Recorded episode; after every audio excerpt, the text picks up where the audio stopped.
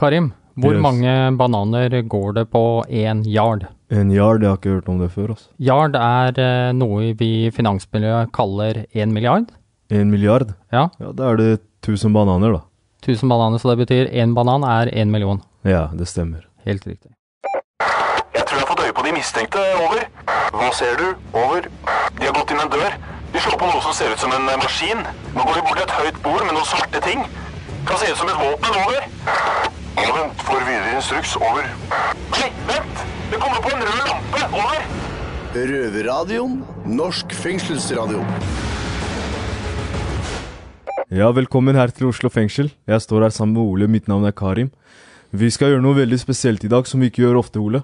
Ja, og det er prate om hvitsnippforbrytere og hvitsnippkriminalitet. Ja, de der som eh, bare trykker på en knapp, så svindler de noe greier og sånn. Ja. Ja, for eksempel, da. Men det som gjør det spesielt interessant, da, det er jo at vi som er her i Oslo fengsel, det er veldig sjelden vi ser noen som er varetektsfengsla, eller som sitter her av at de har begått noe eh, hvitsnippforbryter, altså hvitsnippkriminalitet, da. Ja, det, de fleste som sitter her, de har bare vært på gata og solgt litt heroin, og så kommer de hit, ikke sant. Ja, mer eller mindre. Ja, Men eh, vi snakker om folk med slips her, ikke sant.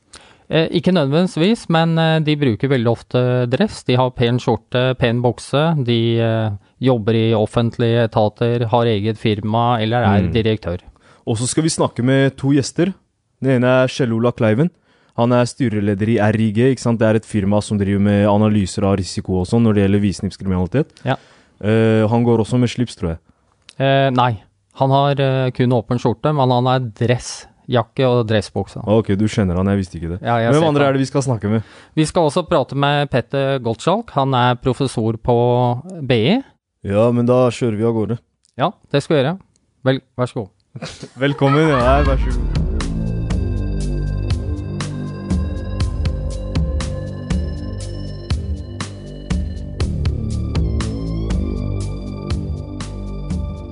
Karim, føler du deg prioritert av politiet? Prioritert? Prioritert, ja. Altså, hvor hardt jakter de på deg? Å, fy faen. Du vet, bror, hvis de ser meg gå forbi, de legger fra seg smultringer og kaffe og alt. De bare kjører etter meg. Men eh, du som driver med sånn hvitsnippskriminalitet, da, eller Ja. har gjort det, Ja. føler du deg prioritert?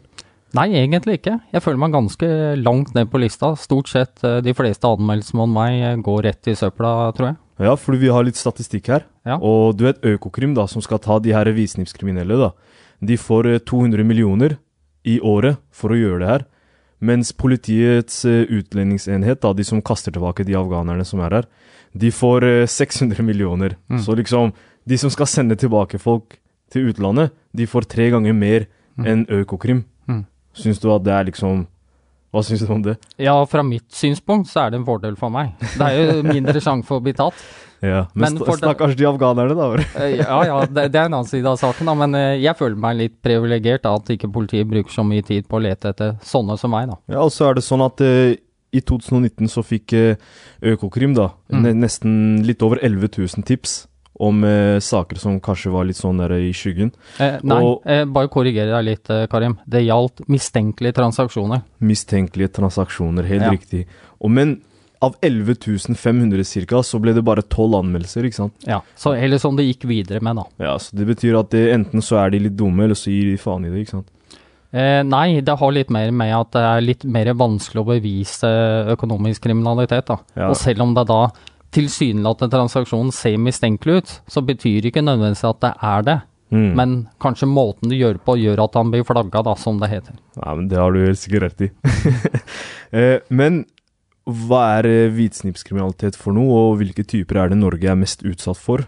Det er det Kjell Ola Kleiven skal eh, svare oss litt på. De fleste kjenner jo han fra Svindeljegerne. Det er hvor han jakter folk i Spania og løper etter folk og sånn, med kamera og sånn. Ja. Yes, men da setter vi over til studio på utsiden. Da har vi fått besøk i studioet vårt på utsiden av fengsel av hvitsnippskriminalitetsekspert og røverradiovenn Kjell Ola Kleiven. Velkommen. Hei, takk for sist. Mitt navn er Simen, og jeg har faktisk intervjua deg en gang før, da jeg satt i Oslo fengsel for ja, fem år siden snart. Vet du, Det husker jeg, det var en skikkelig opplevelse. Jeg trodde fengslene i Norge var veldig myke og softe og enkle og sånn, ja, men det der var beinhardt, da. Det var et tøft sted å komme inn i. Ja, Nei, det er tøffe gutter. Eh, Det er over ti år siden du starta opp selskapet Risk Information Group for bl.a. å ta opp kampen mot hvitvasking. I dag har du bl.a. politiet og skatteetaten på kundelisten. Ja, de eh, blant annet, ja. Hva vil du si er den vanligste formen for hvitsnippkriminalitet i Norge? Altså Det er så mange former. Poenget er jo det at ofte så tror jo folk at kriminelle er de du ser eh, i Donald Bry, ikke sant, med nummer på skjorta og rød genser. Men det er jo ikke det. Altså Det er jo ikke noe mindre kriminalitet blant eh, businessfolk eller andre. De er ikke mer etiske, de. Eh, og når det kommer til da økonomisk kriminalitet i hverdagen, så kan det være alt fra eh, momsbedragerier, det kan være det å ikke betale skatt, det kan være det å sende falske fakturaer. Altså Spekteret er så bredt, og kreativiteten er jo enorm når eh, nordmenn skal oppfylle sin eh, drøm om kjappe penger. Eh, gjerne da uten en fengslende opplevelse i etterkant, som du kanskje fikk. Eh, Hvilke typer hvitsnipperier har vi, og hvor utbredt er de egentlig? Altså, det er jo Altså, alt skjer jo. Altså, det er ikke en dag i Norge nå uten at det er grove tilfeller av hvitsnippkriminalitet, eh, som du kaller det. Og veldig ofte så går det jo på Det kan gå på underslag, det kan gå på falske fakturaer, det kan gå på børsmanipulasjon. Altså, hvis noen av dere husker filmen Wall Street eh, fra 1987, Bud Fox og Gordon Gekko. Eh, Så det som skjedde der, eh, da skjedde det liksom at Bud kledde seg ut og sneik seg inn her og der og sånn. I dag så skjer alt det der elektronisk. Og mye av hvitsnippkriminaliteten i dag, den skjer på nett. Eh, og det er ganske fascinerende. Og det er jo ikke, politiet er jo ikke til stede på samme måte alltid på nett, så det er lettere å komme seg unna. Eh, men det er, det er så mange former. ikke sant? Du kan, du kan snakke om korrupsjon. ikke sant? Eh, form for hvitsnippkriminalitet. Eh, alle former for, for stunt der du egentlig gjør et bedrageri, og så pakker du det inn i litt sånne fine former og farger og pyntelige dress og slips og alt dette her, så er du egentlig veldig nær et, et eh, det jeg ville kalt eh, hvitsnipp-case. da. Jeg har jo drevet litt med identitetstyveri selv. Jeg Ja. slu- slutta med det, lover. Det er jo kanskje den laveste formen for hvitsnippkriminalitet. Min teori er at dette er en type forbrytelse som er lettere å oppdage enn andre hvitsnipperier, fordi den har direkte personofre. Hva tenker du om min påstand? Nei, altså Hvis du gjør et uh, ID-tyveri Det avhenger jo av hvem du svindler, men gevinsten er vel ikke nødvendigvis så veldig stor. Du kan kanskje ta opp noen kreditter, kanskje kjøpe en bil. Eh, jeg var sammen med en fyr forrige dagen som var veldig stolt av at han har tatt opp lån og kjøpt masse biler, ikke sant. Eh, men hvis vi snur på det, da. Verdens største CEO-svindel, den har skjedd i Norge. Da ble det stjålet 65 millioner dollar. Ikke sant? Du er jo røver. Ja. Vi er enige om det, ikke sant? Eller i hvert fall eh, har vært. Var. Ja, var. Eh, ikke sant? Du har en grei dag på jobben som røver hvis du stjeler 65 millioner dollar. Det skulle, hadde tatt seg ut. Ja. Det hadde vært hyggelig. Ja, og for meg så er det den genuine formen for hvitsnittkriminalitet. Det handler om store beløp, og det handler om å gjøre det på et sett som er raffinert. ID-tyveri kan være det hvis du kommer unna med en stor gevinst. Det er veldig sjelden man gjør det. Ja. De fleste sånne ID-tyverier i Norge er sånn 30 50 30 000-50 000 kanskje, og mindre enn det også. Ja, Litt forbrukslån og Det sånn. at man eh, kunne shoppe akkurat det man ville uten å betale for det. Det var veldig deilig. Men er du veldig god på sånn handling-konsekvens? Hva sa du nå? Er du veldig god på sånn handling-konsekvens? Eh, på å vurdere handling mot konsekvens? Ja. Ja. ehm, ja jeg, jeg var jo sånn uh, rusmisbruk finansierende kriminell, først og fremst. Så Du ser jo skremmende sunn ut i dag, da. Men nå er jeg til og med blitt slank igjen.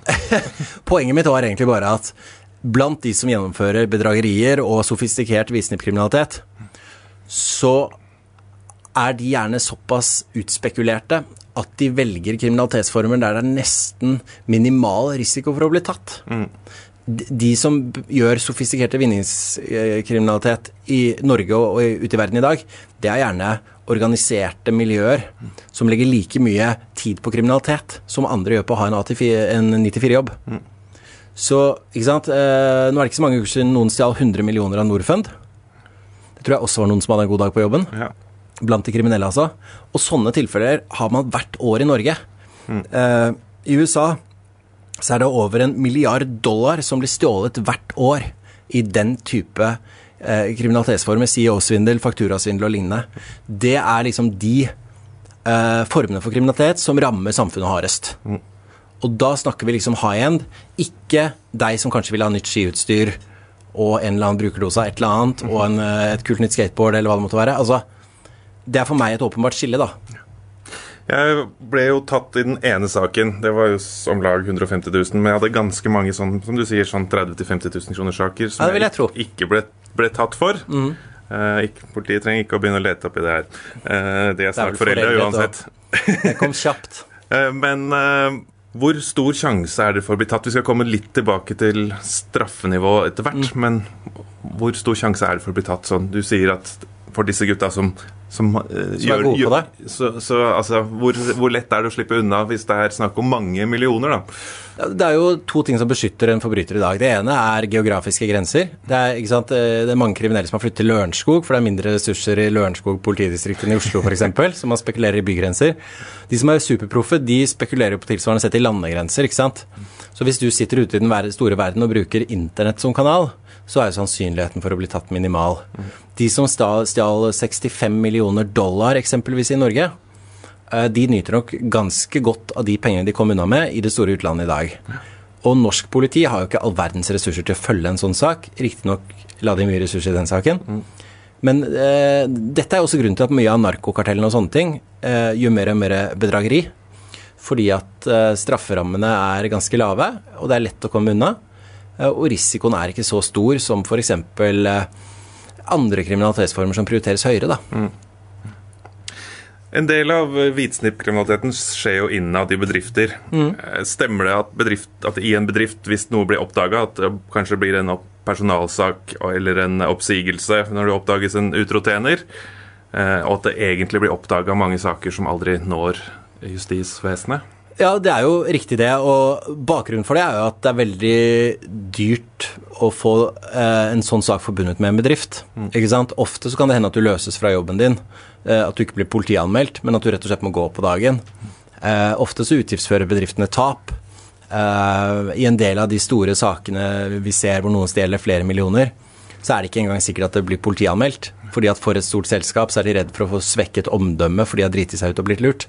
Så um, det er jo slik at hvis du lurer et stort selskap, så er det uh, ikke nødvendigvis at konsekvensene er de samme som de ellers er. Og så skal man jo også huske at selv om du tilstår et forhold, så er det ikke sikkert politiet kan bevise at du har gjort det. Nei. Eh, Jeg lærte tidligere i dag at det er over 140 mennesker som har tilstått drapet på Olof Palme. Ja, det. Det er åpenbart ikke alle de som har gjort det. Og de kan heller ikke straffes for det så lenge de ikke kan bevise at de har gjort det. Så sånn er det jo med hvitsnipp òg. Hvitsnipp er ofte vanskelig og litt sånn Hva skal man kalle det? Nerdete på det settet at det er ikke like sexy som et Nokas-ran med finlandshette og gevær. Nei.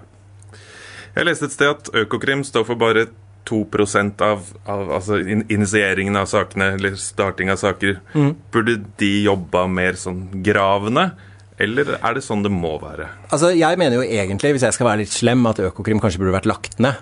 Fordi at Økokrim behandler så få saker i løpet av et år. Eh, Økokrim burde som organ håndtere et Det burde, burde, burde kanskje vært et bedragerisenter i første omgang. ikke sant? De tar bare toppen av isfjellet. Og så lenge man vet at de bare tar toppen av isfjellet, så er det ikke den rettssikkerheten som man burde ha i Norge. For det er klart at hvis du eller jeg lærer oss til at det er greit å holde på og operere kriminelt fordi at det ikke får noen konsekvenser, så rakner rettsstaten. Og Økokrim tar for få saker, og de sakene de tar, så er det ikke alltid de vinner, og det er i hvert fall klønete. Så jeg syns jo Økokrim ikke fungerer optimalt, at det kanskje burde vært lagt om. Men det er jo en personlig mening. Eh, du snakker jo med en del politikere. Ja, det hender det. Hva advarer du politikerne våre om? Du er jo på Stortinget og sånn innimellom. Ja, ja. Altså, det som er viktig for meg, er å få politikere og omverdenen til å forstå betydningen av kriminaliteten. For dette er ikke et individproblem, det er et samfunnsproblem.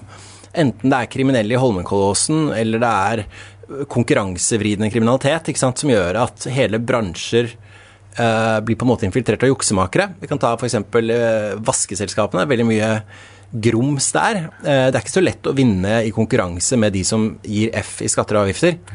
Eh, hvis du skal betale skatter og avgifter. Samme med bygg og anlegg. Enkelte bransjer er mer utsatt. Eh, og det er klart at, og samme med terrorfinansiering, hvitvasking, korrupsjon og sånne ting. Det er viktig for meg å få frem at dette er et samfunnsproblem. Og at så lenge det er et samfunnsproblem, eh, så går det utover deg og meg som eh, skattebetalere. For det koster samfunnet penger. Eh, Nav blir svindlet for noen milliarder i året. Ehm, og det er klart at når Nav blir svindlet for noen milliarder i året, så, så er det noen som må betale de pengene, og det er egentlig skattepengene våre, da. Og Det syns jeg er en uting, og da er det viktig for meg å bearbeide politikere og andre for å få dem til å forstå at det er viktig at vi tar ikke bare den vinningskriminelle som har eh, stjålet en jakke og sitter utenfor Oslo City, men at vi også går etter de mer kanskje eh, kompliserte sakene. At de må prioriteres, ikke sant? Eh, selv om kanskje det er folk som sitter høyt i samfunnet og sånn også. Det er viktig at man, at man tar de sakene som har en betydning for oss. For vi kan ikke ha et samfunn der visse typer kriminalitet det nedprioriteres. Det blir jo feil. Hva er den frekkeste hvitsnippkriminalitetsforbrytelsen du har fått med deg? Altså, jeg vil jo si at eh, Jeg pleier å si at hvis jeg hadde vært kriminell, så hadde jeg drevet med CEO og fakturasvindel. Eh, vi hadde en sak nå eh, for få dager siden hvor noen rett og slett bare endret et kontonummer og stjal noen titalls millioner. Jeg syns den var ganske fiffig. Eh, og det der er kanskje det som skjer mest for tiden. Fakturaendringskriminalitet. Hva er den største feilen vi som samfunn gjør i kampen mot denne typen kriminalitet? Ikke sant? Uh, politiet og andre måles veldig ofte på løsningsprosent. Hvis jeg skal være slem, så pleier jeg å si at purken er gode på to ting drap og fartsbøter. Eh, fartsbøter fordi det gir penger til statskassa, og drap fordi at det er viktig. ikke sant? Man skal ikke kunne drepe sine landsmenn eller andre, for den saks skyld. Eh, men men eh, en del av den sofistikerte kriminaliteten da, som er avansert, den legger vi ikke ressurser i, for den blir ikke oppklart. Det er tunge, store prosesser. Det er mektige mennesker som har mye ressurser rundt seg. Gode advokater, gode PR-rådgivere og sånn. Vi som samfunn våger ikke eller klarer ikke å utfordre de etablerte miljøene. Og det er jo en svakhet for samfunnet. Der burde vi vært flinkere, men jeg har jo håp om at internasjonale operasjoner og sånne ting kan gjøre det lettere i fremtiden. Og at man også i Norge tar f.eks. cyberkriminalitet mer på alvor. Mm. Et statlig organ som Norfund skal ikke kunne miste 100 millioner. Nei, ikke sant. Det finnes eh, de som hevder at økonomisk kriminalitet straffes for hardt, sånn i sammenligning med f.eks. voldtekt. Hva tenker du om straffenivået? Jeg syns det er altfor lavt, jeg. Ja. Så må man også huske på at en del av de som på en måte blir tatt for sånne ting Ofte så er det jo mennesker som sitter høyt på strå og har det fine livet med trofékone og fint hus i Holmenkollen. Så de får jo også en straff indirekte ved at masken og fasaden faller.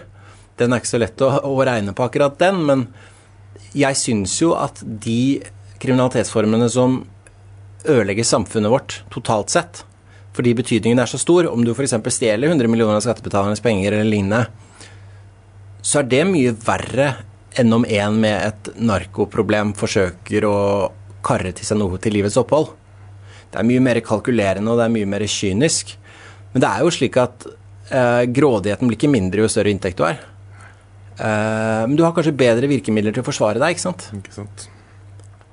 Vet du hva, Det var supert at du kunne komme i dag, eh, Kjell Ola Kleven. Ren glede. Altså, jeg syns jo det er så koselig å komme hit, og jeg er jo stor fan av Røverradioen, så jeg kommer til å løpe ned døra her framover, og jeg. Ja, men Det er veldig hyggelig å høre. Takk for besøket. Ren glede.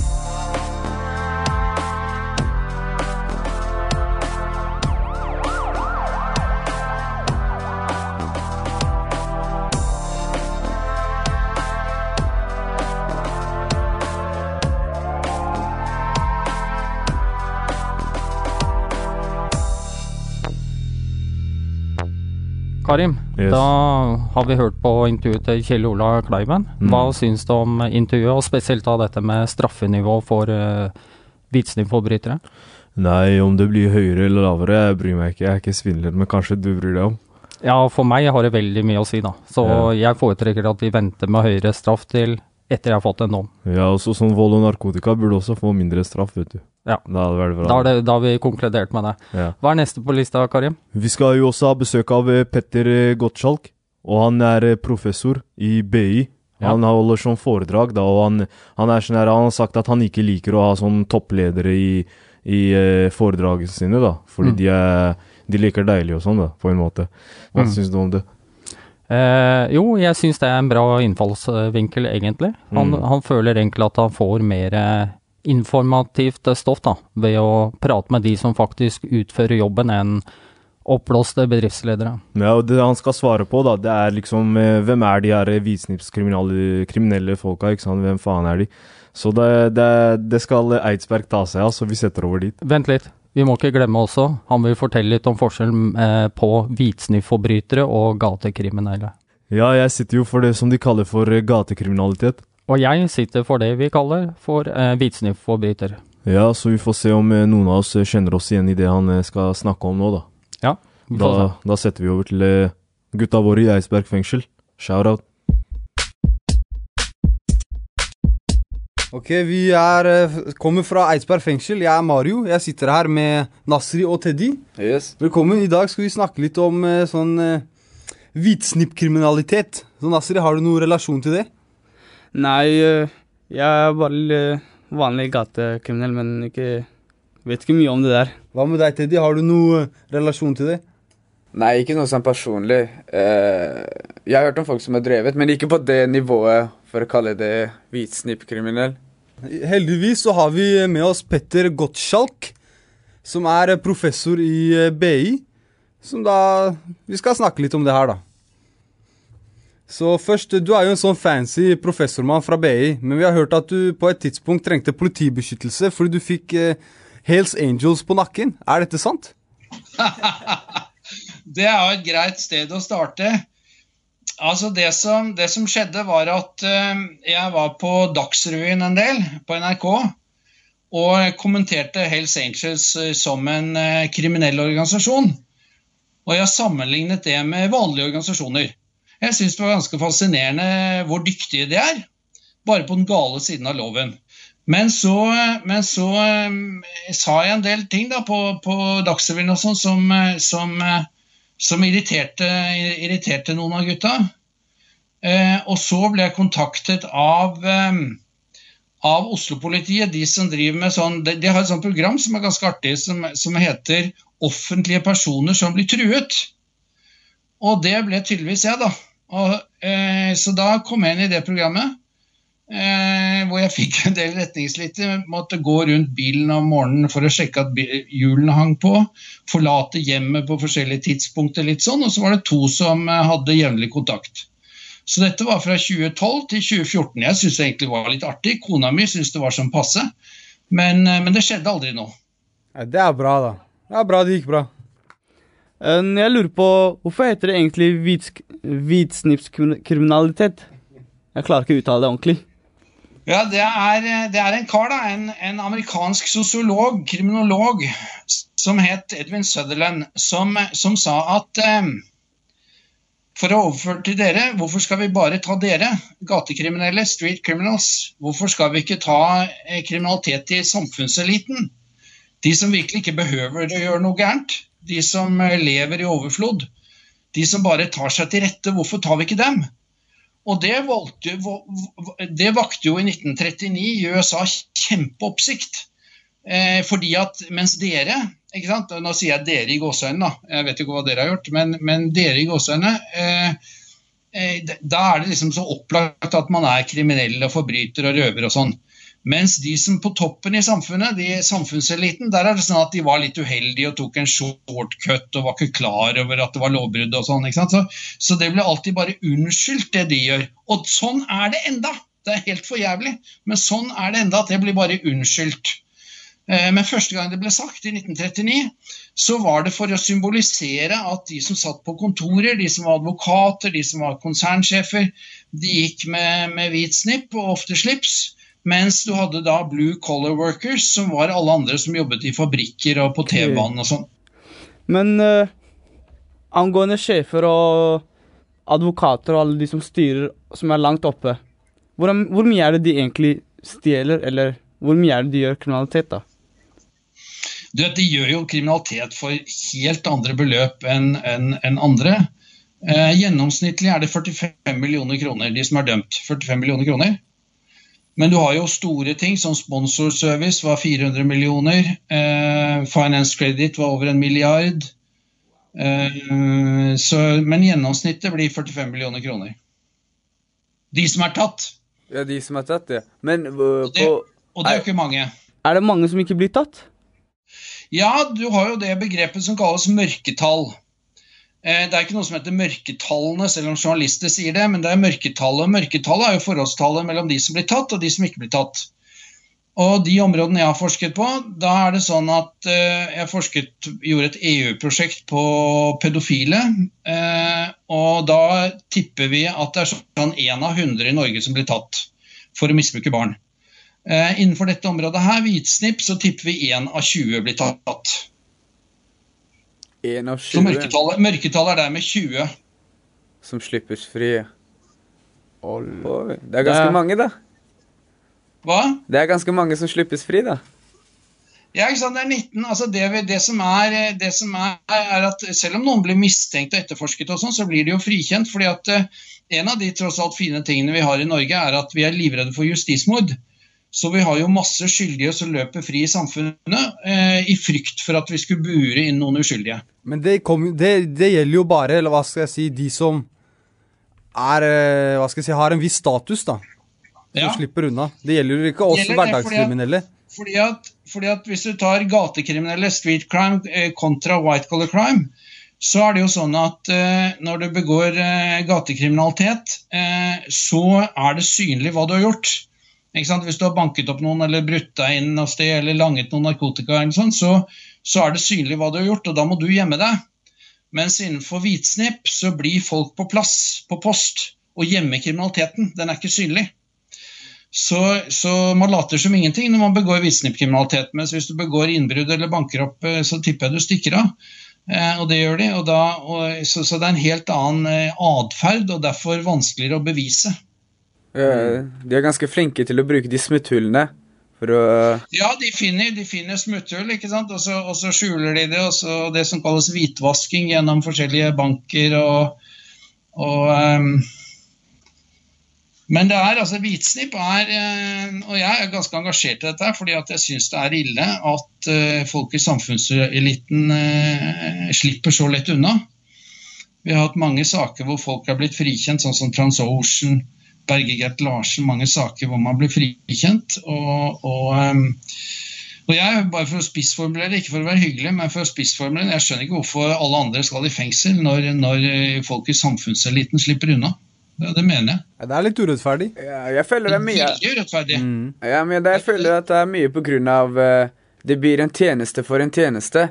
For eksempel hvis jeg kan gjøre og stjele så og så mange millioner, eller 100 millioner penger, men du du har noen kontakter. Hvis du kan hjelpe meg, så gir jeg deg en bit av kaka. Og derifra, som i Norge, de sier noe for noe. Ikke sant? Det blir jo tjeneste for en Ja. tjeneste. Ja. Det er veldig mye, I et lite land som Norge så er det veldig mye sånne tjeneste for tjeneste. og, og vi, Det er jo egentlig korrupsjon, men, men vi, vi lar det skure allikevel. Men du vet, vi gutta som sitter i studio, vi soner jo for typisk sånn gatekriminalitet. Hva tenker du om denne påstanden? Det er lettere å gi eh, sympati til en hvitsnippkriminell enn eh, gatekriminelle som oss. Ja, det er det. For når når du står i rettssalen, enten du står i Oslo tingrett eller Borgarting eller hvor du står, foran en dommer, så, så vil en gatekriminell tilhøre et annet samfunnslag, en annen bydel, eh, et annet kanskje språk eh, enn dommeren. Mens når en hvitsnippkriminell står tiltalt, så er det en person fra samme samfunnslag. Dommeren har da mye mer forståelse for denne personen som har vært, vært uheldig, og, og vil nok ha en større tendens til å, til å frikjenne. Ja, for det er, det er ganske trist, egentlig. Ja, det er kjempeurettferdig. Altså, det, altså da, da jeg var på Ringerike fengsel og holdt innlegg, så, så, så ble jeg møtt av fengselsdirektøren, og så, og så, og så viser han stolt Det er en sånn det går i en sånn bue, og så viser, peker han opp der og sier at der er skoleavdelingen her i Ringerike fengsel. Og så sier jeg er det noen der som går på BI? Og så sier han nei, her lærer folk å, å, å lese og skrive. Så det er eh, kjempeurettferdig. Ok. Ok, nå Hva er den, liksom, hva er den typiske norske hvitsnipsforbryter liksom, i Norge, eller? det? En typisk hvitsnippforbryter er en mann i 40-årene som, eh, som er eh, på direktørnivå i, eh, i en bedrift. som, som bestikker noen for å få en kontrakt i utlandet, eller underslår. Og typisk underslag er forårsaka at mannen nettopp gikk gjennom en skilsmisse, og skilsmisse da, da, eh, da får du en helt mye dårligere levestandard, så du prøver å kompensere gjennom et underslag. Ehm, det, er den typiske, det er den typiske dømte hvitsnippforbryter i Norge, men igjen så vet vi jo ikke om alle de 19 som ikke ble dømt. da. Men hva er motivet? Er det grådighet, da? Nei, nei det er ikke det er veldig, altså Grådighet er et artig ord som folk tror. Grådighet er Grådighet betyr at uansett hvor mye du har, så vil du ha mer. Folk lurer på hvorfor begår milliardærer økonomisk kriminalitet. Eh, og det gjør de. Eh, men er fordi, da er det fordi de er grådige, som betyr at selv uansett hvor mye du har fra før, så vil du ha mer. Det er det som ligger i ordet greed, grådighet. Nei, det er veldig ofte Motivet er veldig ofte en eller annen trussel. F.eks. Når, når, når bedriften er truet av konkurs. Nå er det jo masse økonomisk kriminalitet i forbindelse med korona. Og det er nok fordi at, eh, at, at de som har jobbet eh, ræva av seg for å drive, bygge opp en virksomhet, ser, at dette, ser at dette nå kan gå i ruiner. Det er forferdelig hvis du har stått på i 10 eller 20 år og bygget opp en bedrift og ansatt folk. Så det du da gjør, er å gå til banken og si at se her, vi har noen kontrakter, de er ikke signert ennå, men kan vi ikke bare få noe lån? Det kalles bankbedrageri. Typisk noe man gjør. Så det er en trussel snarere, snarere, snarere enn grådighet. Veldig ofte trussel.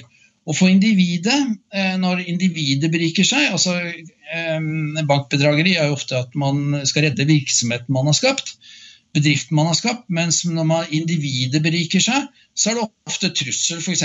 skilsmisse. Ved, ved skilsmisse så går kriminogeniteten, altså individets tilbøyelighet til å begå lovbrudd, det er kriminogenitet, den tilbøyeligheten øker kraftig. Så det er trusler, hvis du, i den grad du kan kalle skilsmisse en trussel. Ok. Eh, Du har jo tidligere sagt at kriminalitet på toppen innen næringsliv, politikk og forvaltning kan være et større samfunnsproblem enn myndighetene har trodd. Hva mener du med det? Nei, Jeg mener med det at, at eh, når mennesker i, eh, i vårt samfunn får betrodde stillinger som stortingsrepresentanter, statsråder, departementsråder, etatssjefer, konsernsjefer, så, så har vi jo ikke muligheten til å kontrollere alt de gjør. altså Det er basert på tillit.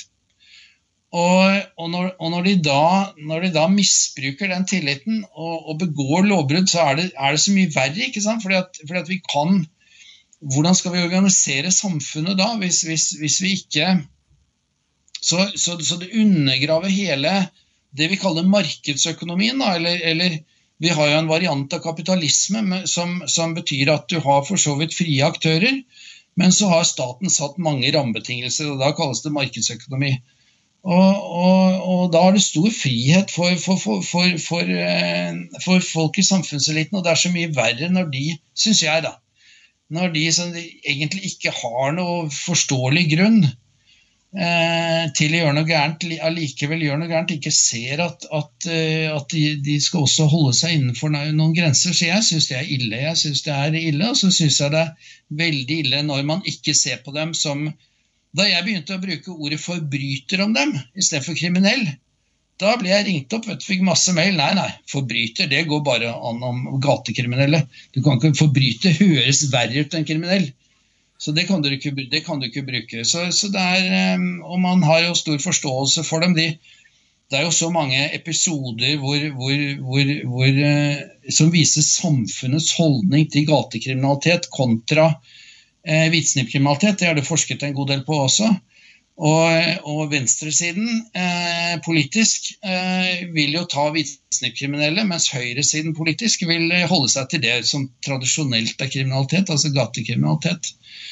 Eh, men det er jo så mange artige historier. Det var f.eks. en direktør i Nera. Han ble pågrepet i Bergen og skulle til avhør i Oslo. Og politiet pågrep Det var to ting han da kom på forsiden i Dagens Næringsliv. For det første så kom politiet og pågrep ham hjemme i Bergen klokka sju om morgenen. Da så mine barn så at pappa ble pågrepet, det er helt forferdelig. Og så ble han ført i håndjern til, eh, til Flesland flyplass.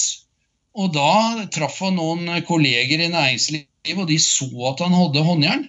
Og det var jo så forferdelig. Mens gatekriminelle kan vi hive på glattcelle når som helst. Ja, fordi med gatekriminelle er det jo ganske vanlig å bare hva skal jeg si, sparke ned døra, putte på håndjerna. Det har ikke noe å si om familie, barn, mor, far og hvem som er der. da. Det er liksom, det er samme. Nettopp. Og det, og det er hvitsnippforbrytere hvis de blir hvitsnippforbrytere hvis de blir tatt og tiltalt. Hvordan slipper de unna likevel? Jo, de kjøper seg de dyreste advokatene.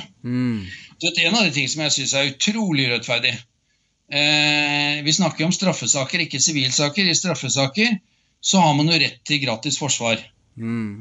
Men du har lov i Norge til å kjøpe deg ekstra forsvarere. Jeg vet ikke om noen av dere har gjort det. Ja. Men, eh, men, det, men det har de råd til. Det har de råd til. Jo flere, jo bedre, vet du. Jeg visste ikke om de det var lov engang. De kjøper seg, de kjøper seg jo ikke sant, kjente navn som eh, Olaug Rannes, Jon Christian Elden, sånne. Nå er, jo, nå er jo flere av dem også engasjert og tar andre saker, men, men, allikevel, de, de er jo kjempegode. Og mange hvitsnippsaker er jo kjennetegnet av at både jussen er klinkende uklar, og faktum er klinkende uklart. Og da, hvis du får en kreativ advokat, eller et team av advokater, tre-fire stykker, til å, til å så en bitte litt tvil, så skal du frikjennes. Så det er kjempeurettferdig. Jeg syns ikke det burde vært lov i Norge i det hele tatt at du kan betale deg for ekstra, betale for ekstra forsvar. Men det gjør de, hvitsnippene. Det gjør ikke gatekriminelle. Nei, nei, sånn er det. Men uh, da vet jeg ikke om vi har noen flere spørsmål. Nasri, har du noen? Hva med deg, Teddy? Har du noen siste spørsmål? Nei, faktisk, jeg følte han forklarte seg veldig bra. Ja. Eh, fylte ut det jeg egentlig lurte på. Du er fornøyd? Jeg er veldig fornøyd, faktisk. Ja, så er fornøyd. Da får vi egentlig bare takke for deg, da. Eh, Nå skal jeg prøve, prøve å si det her riktig. Petter Gottschalk, Ja. professor i BI. Tusen takk for at du ville komme. Eller komme, på, for- komme over videolink. Veldig hyggelig. Takk for at jeg fikk være med.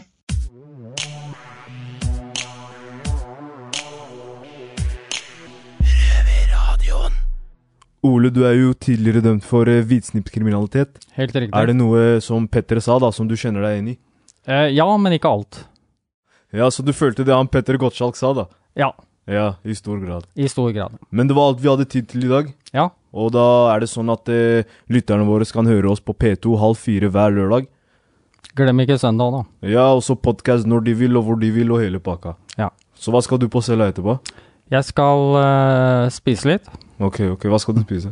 Hm? Hva skal du spise? Eh, Brødskive. Ah, fy faen, det chiller Jeg har matpakke. Ja. Nei, nei, men det er bra. Mm. Nei, men da runder vi av herifra. Takk, takk, takk for oss. Takk for oss. Det har vært stille fra over en time. Hva skjer? Over. Det er bare et radioprogram. Det er lettere å høre på dem der. Over. Ja, vet du når det går, da? Over. Det er samme tid og samme sted neste uke. Over.